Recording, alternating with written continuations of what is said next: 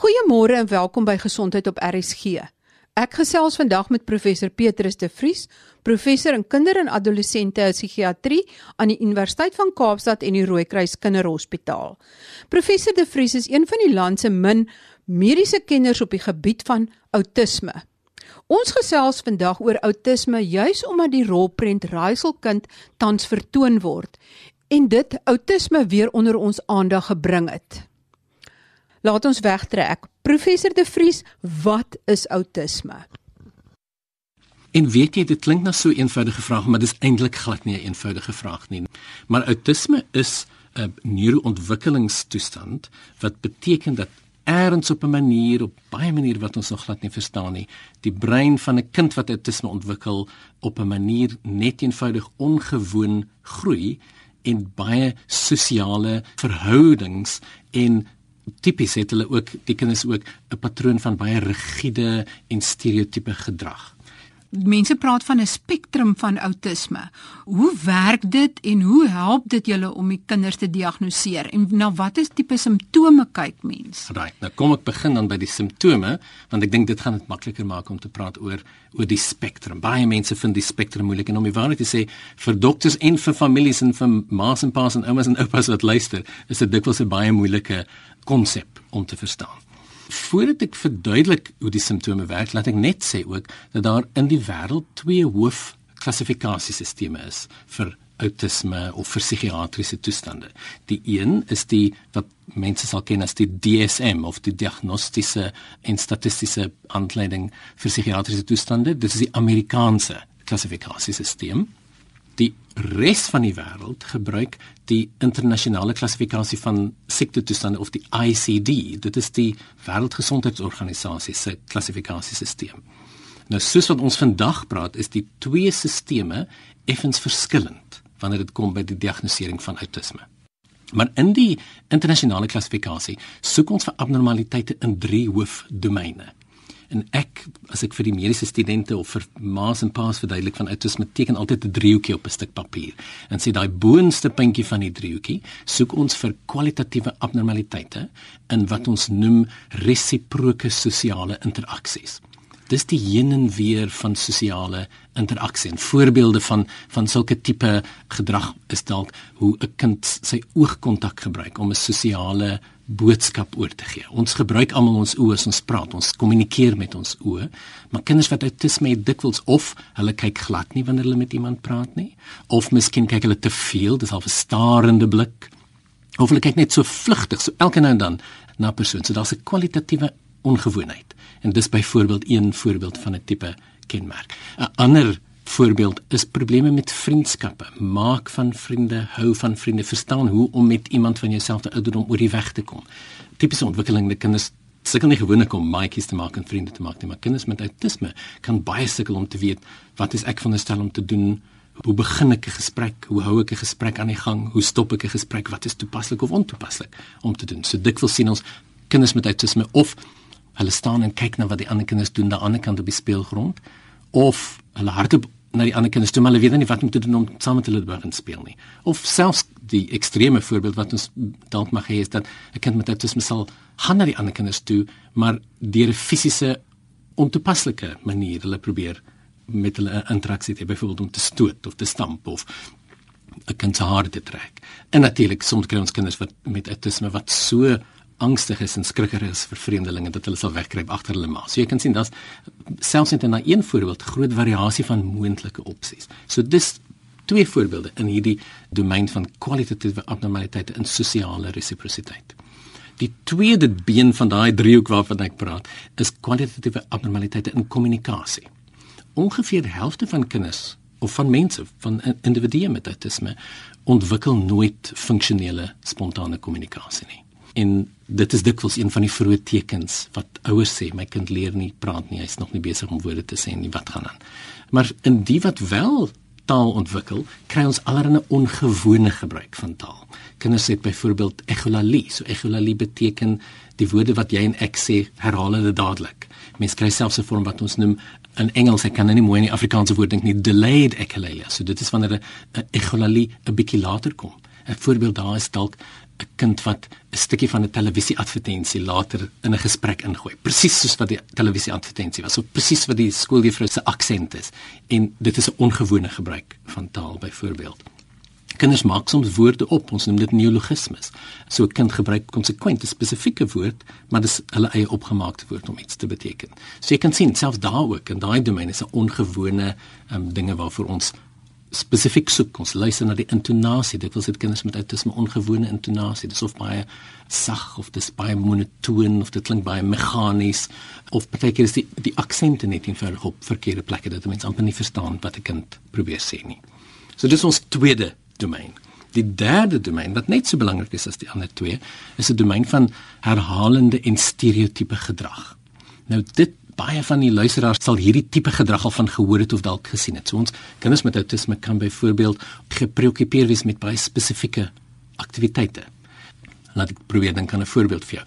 Een van die kinders in my kliniek byvoorbeeld was spesifiek gepreokkupeer met padverkeerstekens. En as hy een keer 'n padverkeersteken ergens gesien het, dan sal hy altyd onthou wat dit was. En partykeer word hulle dan so oorgeroutineer dat hulle wil hê maandpa moet elke keer presies dieselfde pad ry, dat hulle presies dieselfde pad verkeerstekens kan sien byvoorbeeld ook.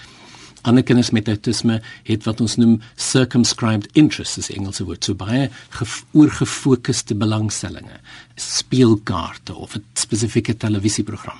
Nou meeste kinders het daai belangstellings, maar 'n kind met autisme kan so oorgefokus wees en so oor belangstel dan dat hulle hele lewe daai bestaan en as dit hulle nou moet skuif na iets anders of as die ander kinders nou nie meer geïnteresseerd is in daai spesifieke idee of program nie dat hulle nog steeds daarop aandring om om oor daai ding te praat of mee te speel. So hulle hak so 'n bietjie vas op En so dit kan lyk soos 'n vashak tipe patroon. Absoluut. Ja. Een van die ander kenmerke wat ons sien in daai laaste domein is ook ander herhalende gedrag. So kinders is byvoorbeeld geïnteresseerd in eerder om met die hele speelding te speel, geïnteresseerd in dele daarvan. So jy sal dalk 'n kind met outisme sien wat die karretjie vat, optel, omdraai en met die wielietjie speel, eerder as om met die karretjie te speel. Of die deurtjies oop en toemaak, eerder as om die karretjie te gebruik 'n karretjie, want ons 'n funksionele spel. En 'n ander domein wat deesdae ons ook besef baie meer belangrik is as wat mense vroeër gedink het, is die van sensoriese sensitiwiteite of belangstellings.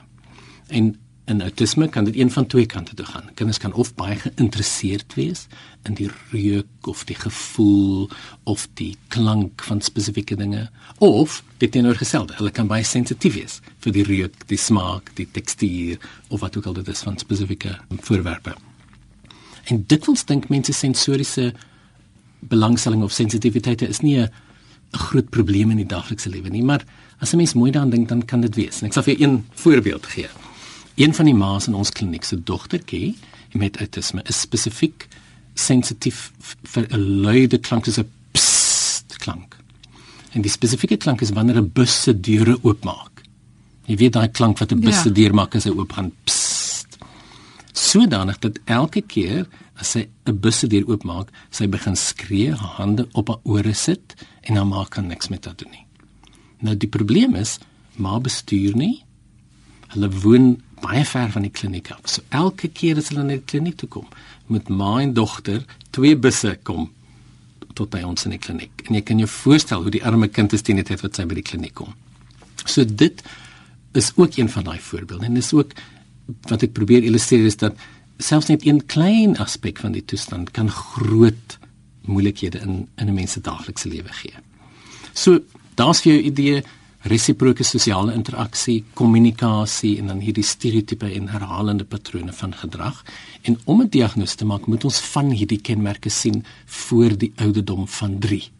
So in sommige gevalle kan 'n mens outisme vroeg optel, maar ons moet of op daai stadium of soos wat ons terugkyk kan sê ja, weet jy, daar was van hierdie abnormaliteite wel in die eerste paar jaar van die lewe. Nou, ek het begin praat van hoe moeilik dit kan wees om autisme te diagnoseer. En een van die redes is dat van al hierdie voorbeelde, en daar's baie ander komponente van die diagnose nog, van al hierdie voorbeelde wat ek genoem het, is daar nie een van hulle wat in die term wat ons gebruik is patognomonies vir autisme is nie. So wat patognomonies beteken is dat daar's nie een van hierdie observasies of gedrag um, voorbeelde dat as ons dit sien dit beteken 'n kind het outisme of as ons dit nie sien beteken hulle het nie outisme nie. So kom ons vat oogkontak. Dis ek dink waarvan baie van ons luisteraars weet, jy weet oogkontak is problematies in autisme. So dikwels hoor ons ma's en pa's sê ek dink die kind het autisme want hy het nie goeie oogkontak nie. Wel dis moontlik, maar ons moet baie ander dinge nog sien. Of die ander kant om. Mense sê, "Maar ek dink nie my kind het autisme nie want hy het baie goeie oogkontak of hy's baie lief vir mense of hy's geïnteresseerd in ander kinders." En jy kan dus sien dat dit kan baie moeilik wees vir vir ma's en pa's en, en skool juffrouens en menere om te verstaan hoe 'n kind wel kan autisme hê of nie hê nie, omdat wat ons versoek is nie 'n spesifieke kenmerk nie, maar genoeg abnormaliteite in elkeen van daai domeine waarvan ek nou net gepraat het. Wat is die insidensie van outisme? Hoe gereeld of hoe baie kom dit voor onder kinders? Toe ek jare gelede op mediese skool was, het ons geleer dat outisme was 'n baie rare ding. En omtrent 1 in 10000 kinders het outisme. Oor die afgelope dekade, dekade en 'n half, het studies aansienlik meer geword, die bewustheid van outisme het beter geword. Ons is beter om outisme te diagnoseer en deesdae weet ons dat minstens 1 in 100 kinders, so 1% van ons populasie het 'n outisme spektrum toestand.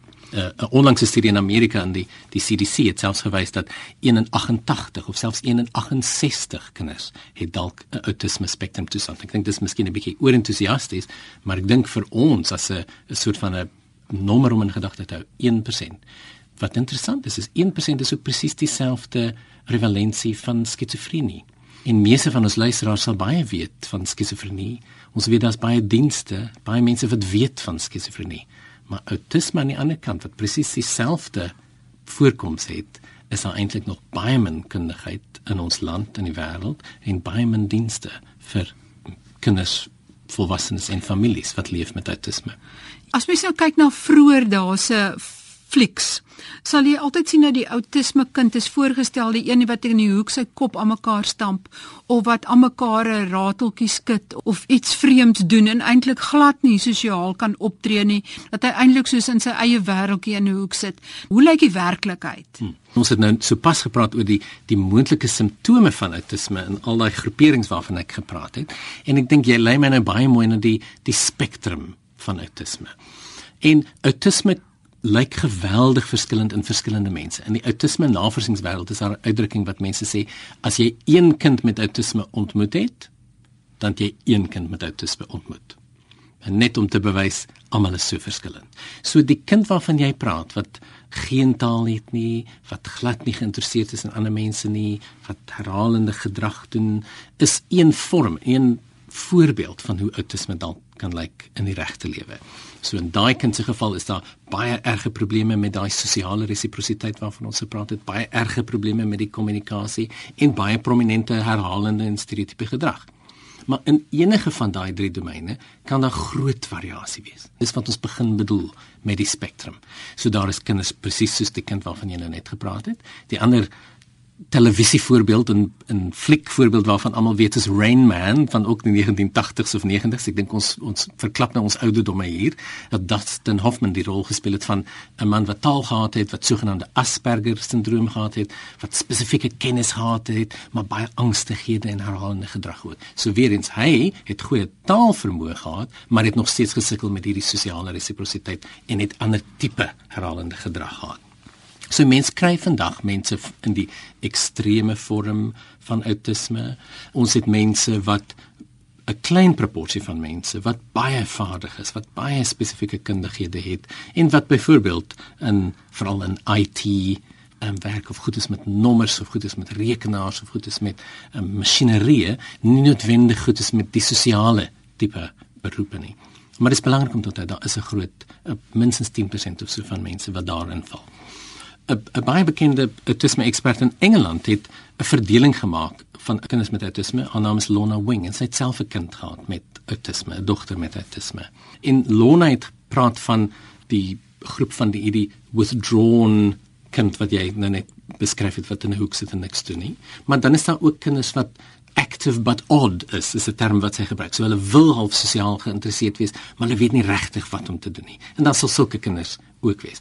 Met ander woorde die spektrum van autisme is so wyd in terme van die simptome, in terme van die intellektuele grade, dat's mense met geweldige verstandelike gestremdheid en ander wat hoogs intelligent is. Daar's mense wat ek het gepraat van sensoriese sensitiwiteite wat geen sensoriese sensitiwiteit het nie en ander wat weer ongelooflik sensitief is vir van hierdie tipe dinge. Ons kan aangaan, maar die belangrike boodskap hier is dat omdat elke persoon met autisme so verskillend is, is dit derhalwe belangrik dat ons nie fokus op die naam autisme of selfs autisme spektrum nie, maar dat ons die individuele profiel van elke persoon moet bepaal want dis daai individuele profiel wat vir ons gaan sê wat het jy nodig om te ontwikkel en wat het jou familie nodig om jou te kan ondersteun om te ontwikkel. Hoe werk dit dat dit op die oog af voorkom in sommige gevalle of dalk die meeste gevalle dat 'n kind tot en met 'n sekere ouderdom normaal ontwikkel of blykbaar normaal ontwikkel en dan is dit asof hy begin stil staan. Is dit iets wat die ouers gemis het of is dit hoe dit werk? In die meerderheid van kinders met autisme sien ons 'n patroon waar van redelik vroeg aan. Soms is dit met terugblik, sê ma's en pa's ja, wie as ek nou mooi terugdink, dan was daar wel selfs in die eerste jaar bietjie nie goeie oogkontak nie en hy het nie noodwendig geglimlag toe dit verwag het nie en klein spesifieke dingetjies wat mense as hulle terugkyk kan identifiseer. So in die meeste gevalle 60% of so sien ons van vroeg in 'n kind se ontwikkeling 'n bietjie subtiele abnormaliteite wat dan net meer en meer en meer prominent word soos wat die kinders ouer word. Die tipiese ouderdom waar autistiese kenmerke sigbaar is vir meeste mense so tussen 4 en 5. So gewoonlik hier in 'n jaar of so net voor kinders skool toe gaan. In meeste gevalle sien 'n mens die kenmerke goed. Maar mense wat goed weet wat autisme is en hoe dit lyk en hoe om die subtiliteite te kan identifiseer, kan dit in hierdie eerste paar jaar van die lewe wel identifiseer. Die kind waarvan jy praat en daar is kinders soos dit wat mense regtig waar nie kan probleme identifiseer in die eerste jaar of 2 nie. En dan gewoonlik hier tussen 18 maande en 24 maande begin ouers agterkom dat die kind of bereik 'n plateau, so verdere ontwikkeling gebeur nie goed nie, of sommige gevalle verloor hulle selfs van die vaardighede. Hulle verloor dalk van die woordjies wat hulle gehad het, of hulle verloor dalk van hulle ander sosiale of motoriese vaardighede.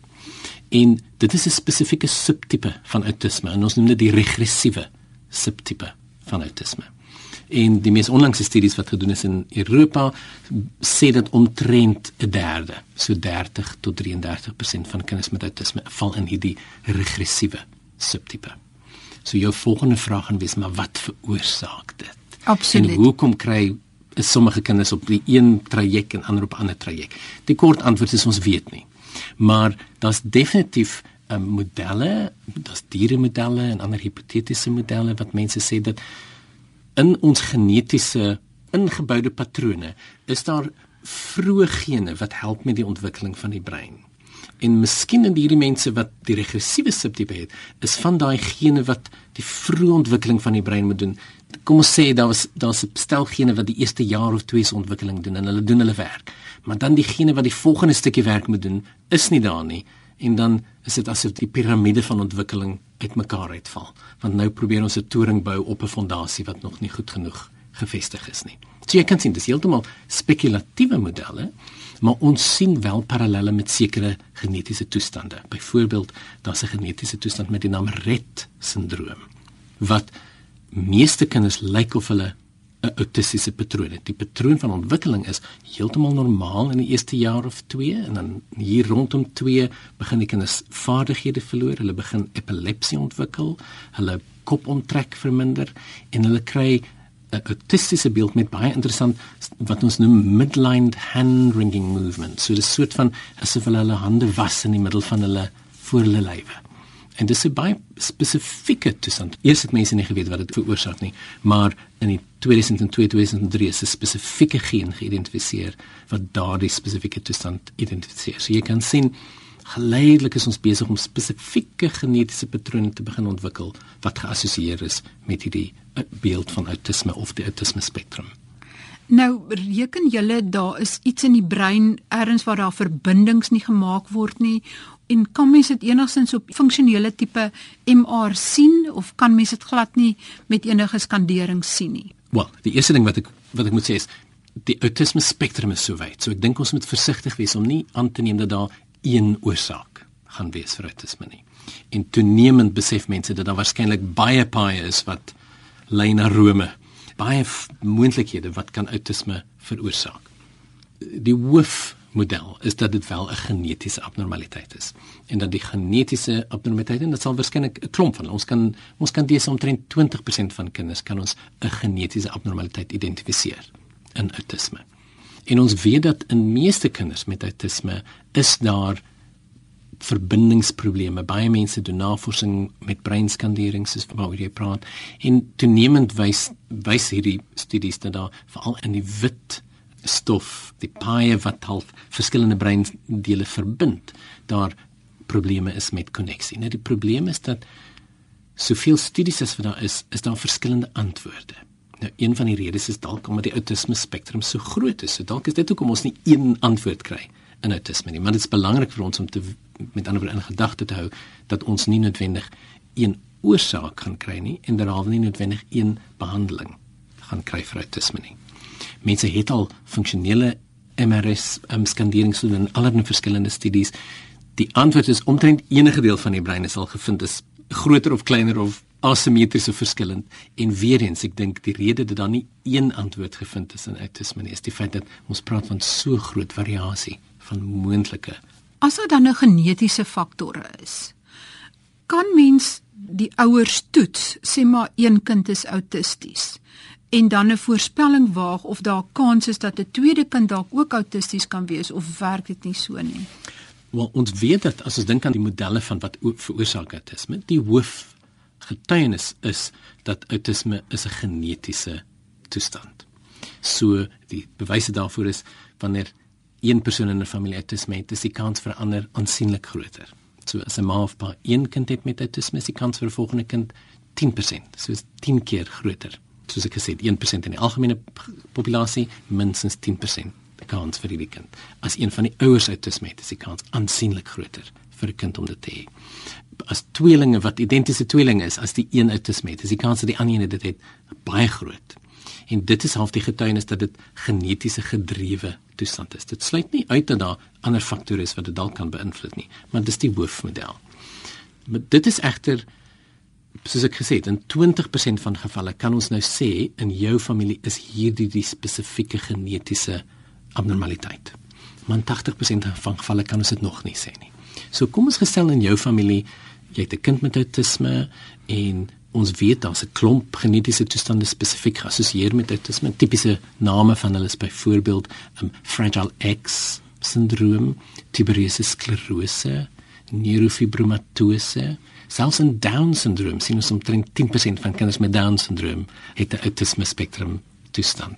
So as ons sien jou kind het autisme en ons identifiseer 'n ander syndroom, dan kan ons die ouers toets want ons weet wat is die gene en ons weet wat se bloedtoets ons kan doen en dan kan ons vir ma's en pa's sê, "Wel dit is die kans dat jy nog 'n kind met hierdie sindrome gaan hê."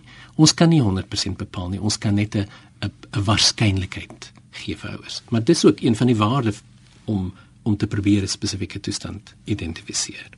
In die meerderheid van gevalle het ons nog nie daai tipe antwoord nie, maar ek dink as ek kyk na die spoed waarmee die navorsingsveld in genetika en veral met whole genome sequences, jy weet dis daar kan 'n mens in 'n fraksie van die tyd van die verlede iemand se hele DNA patrone en 'n hele proteïene patroon identifiseer. Dink ek gaan daar baie meer interessante studies nog kom in die toekoms wat dalk dit vir ons makliker gaan maak weer eens dit gaan 'n komplekse antwoord wees. Baie dankie aan professor Petrus de Vries vir sy interessante insigte oor outisme wat hy met ons gedeel het. Ek gesels op 'n later stadium weer met hom oor nog aspekte van outisme want daar's nog baie interessante feite wat ons graag onder julle aandag wil bring. Maar gaan kyk gerus op www.rsc.co.za. Daar is ook uh skakels na interessante inligting oor outisme en vorige gesprekke met professor De Vries oor outisme. Tot volgende week dan, wanneer ons weer gesondheidsake gesels. Totsiens.